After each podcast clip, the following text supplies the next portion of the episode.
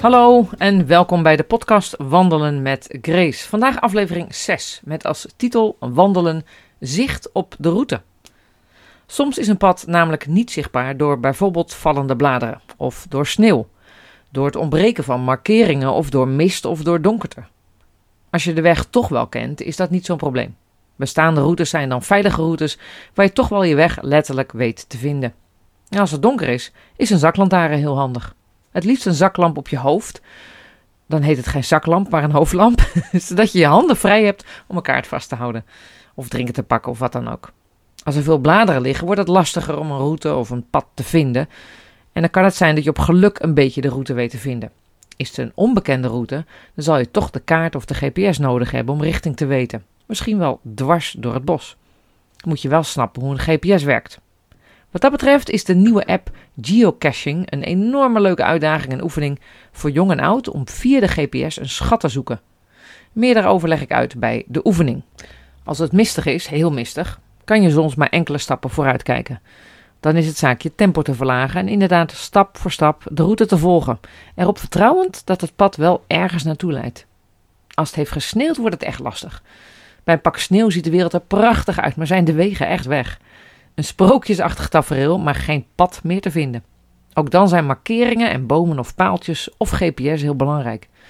En eventueel een stok om te voelen of je in een diepte stapt of op een stevige ondergrond. Ook hier helpt het als je dan een bekende route loopt. Dan weet je ongeveer wel hoe je moet lopen. En dan kan de wandeling in de sneeuw echt heel sfeervol zijn.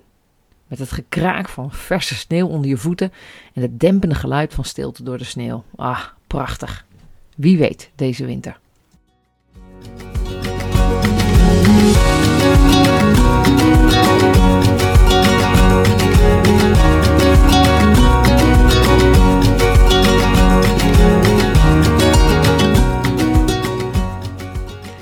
Zijn belangrijke acties die je kunt ondernemen tijdens het wandelen om te voorkomen dat je verdwaalt of de weg kwijtraakt.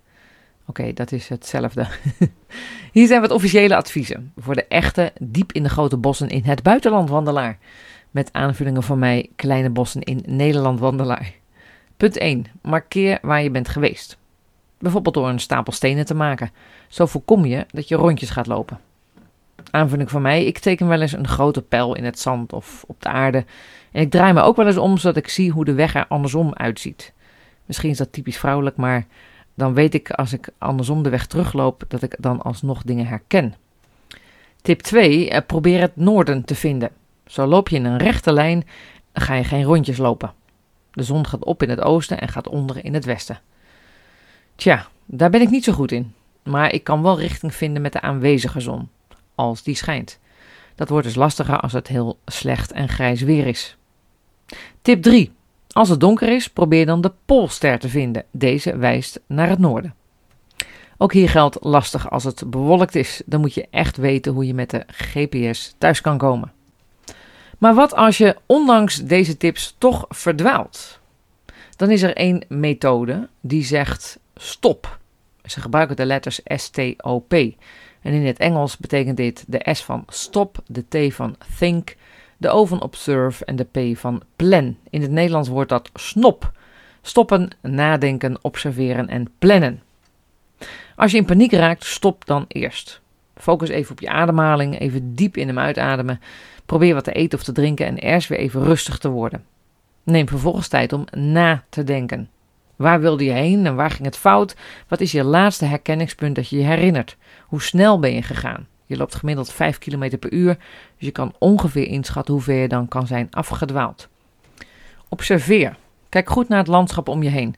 Zoek naar markeringen, naar gekleurde paaltjes. Kijk eventueel naar foto's die je onderweg hebt gemaakt. Herken je dingen als je je omdraait. Kijk ook naar de tijd en het weer. Hoe lang heb je nog voor zonsondergang en wat gaat het weer doen? Kan je ergens schuilen? En dan maak je een plan. Soms is het blijven op de plek waar je verdwaald bent het beste, maar zorg dat je dan in ieder geval een schuilplaats kunt maken. Probeer mensen te bereiken. Hopelijk heb je een opgeladen telefoon bij je. En als je verdwaalt op een berg, loop dan bergafwaarts. Dan kom je meestal bij een weg uit. Het een dan heeft natuurlijk ook te maken bij de juiste middelen die je in je rugzak hebt meegenomen voor onderweg voor situaties als deze. Meer daarover in de volgende aflevering. Voor nu Ik houd van variaties in de seizoenen. Ik hou van variaties in wandelpaden en omstandigheden. Van blubberpaden tot en met bladeren bedekte paden. Van zandroutes tot keurige asfaltwegen. Van glad met ijs bedekte paden tot onzichtbare sneeuwbedekte weggetjes. Alles heeft wel zijn charme, mits je weet waar je bent en waar je naartoe moet, te midden van deze situaties. Een leuke opdracht.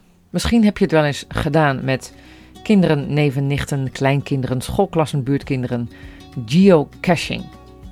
Je schrijft geo, G-E-O en dan C-A-C-H-I-N-G. Het is een app, die kan je downloaden. En het komt erop neer dat het een soort spel is waarbij je dus middels je telefoon en of de GPS via een route een schat moet vinden. Die schat is verstopt door andere deelnemers en in die schat vind je een logboek waarbij je een aantekening kan achterlaten. Je kan eventueel een voorwerp vanuit de schat meenemen, maar je kan ook iets achterlaten. En via de app kan je dan melden dat je de schat hebt gevonden. Echt een hele leuke uitdaging voor wandelaars. En het helpt je ook om eens van de standaardroutes af te wijken en te leren om te wandelen met de GPS. Geocaching. Succes ermee!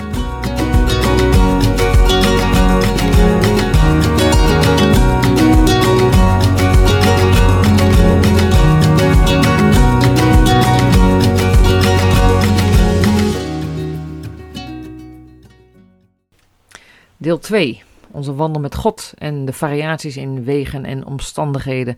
En wat als het zicht in onze wandel met God wat vaag wordt. De vorige keer hebben we het er al even over gehad. Hoe handig zou het zijn als God een uitgestippelde route voor ons klaar had liggen? De praktijk leert dat dit niet het geval is. God vindt namelijk het onderweg zijn met ons minstens zo belangrijk, wetende dat we leren van het onderweg zijn en genieten van het bij Hem zijn. En uiteindelijk wel uitkomen bij zijn doel. Sowieso de eeuwigheid met hem. Laten we eens kijken naar het volk van Israël en de Exodus. Een route naar het beloofde land, die in principe maar elf dagen had hoeven duren, maar die door hun koppigheid veertig jaar duurde. Wat ik zo mooi vind om te lezen, is dat God al die jaren voor ze uit bleef gaan, met een wolkolom overdag en een vuurkolom s'nachts. Hun kleren sleten veertig jaar niet. Dat is echt heel bijzonder. En God voorzag elke dag in voedsel door middel van manna en kwartels. God stelde leiders aan om conflicten op te lossen. En hij leerde het volk over wie hij is en was. Dus ondanks hun verkeerde keuzes en een veel langere route dan nodig, was God nabij. Dat bemoedigt mij. Als ik in mijn onvolmaaktheid niet altijd de juiste weg ga, is Hij toch nabij. Dan voorziet Hij en blijft Hij leiden en begeleiden en toont Hij zichzelf in wie Hij is. Dat geeft rust en vind ik heel bemoedigend.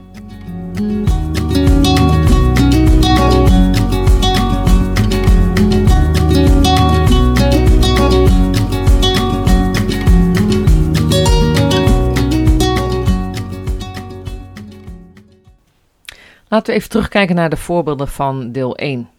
Dan kan het bijvoorbeeld zo zijn dat we het gevoel hebben dat er zoveel herfst is in onze wandel met God, dat de weg bedekt is met bladeren en we niet meer zien waar we naartoe moeten.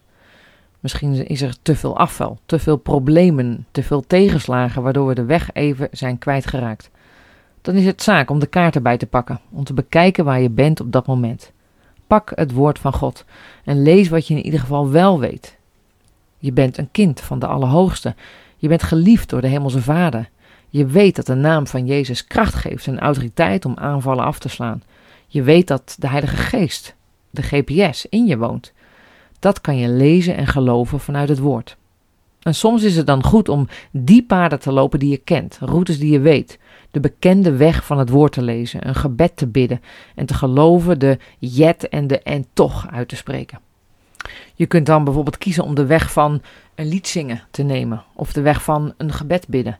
Of je stopt en vraagt anderen om een tijdje met je mee te lopen, om advies te geven, om markeringen aan te reiken op de route die voor jou eventjes uit zicht is verdwenen.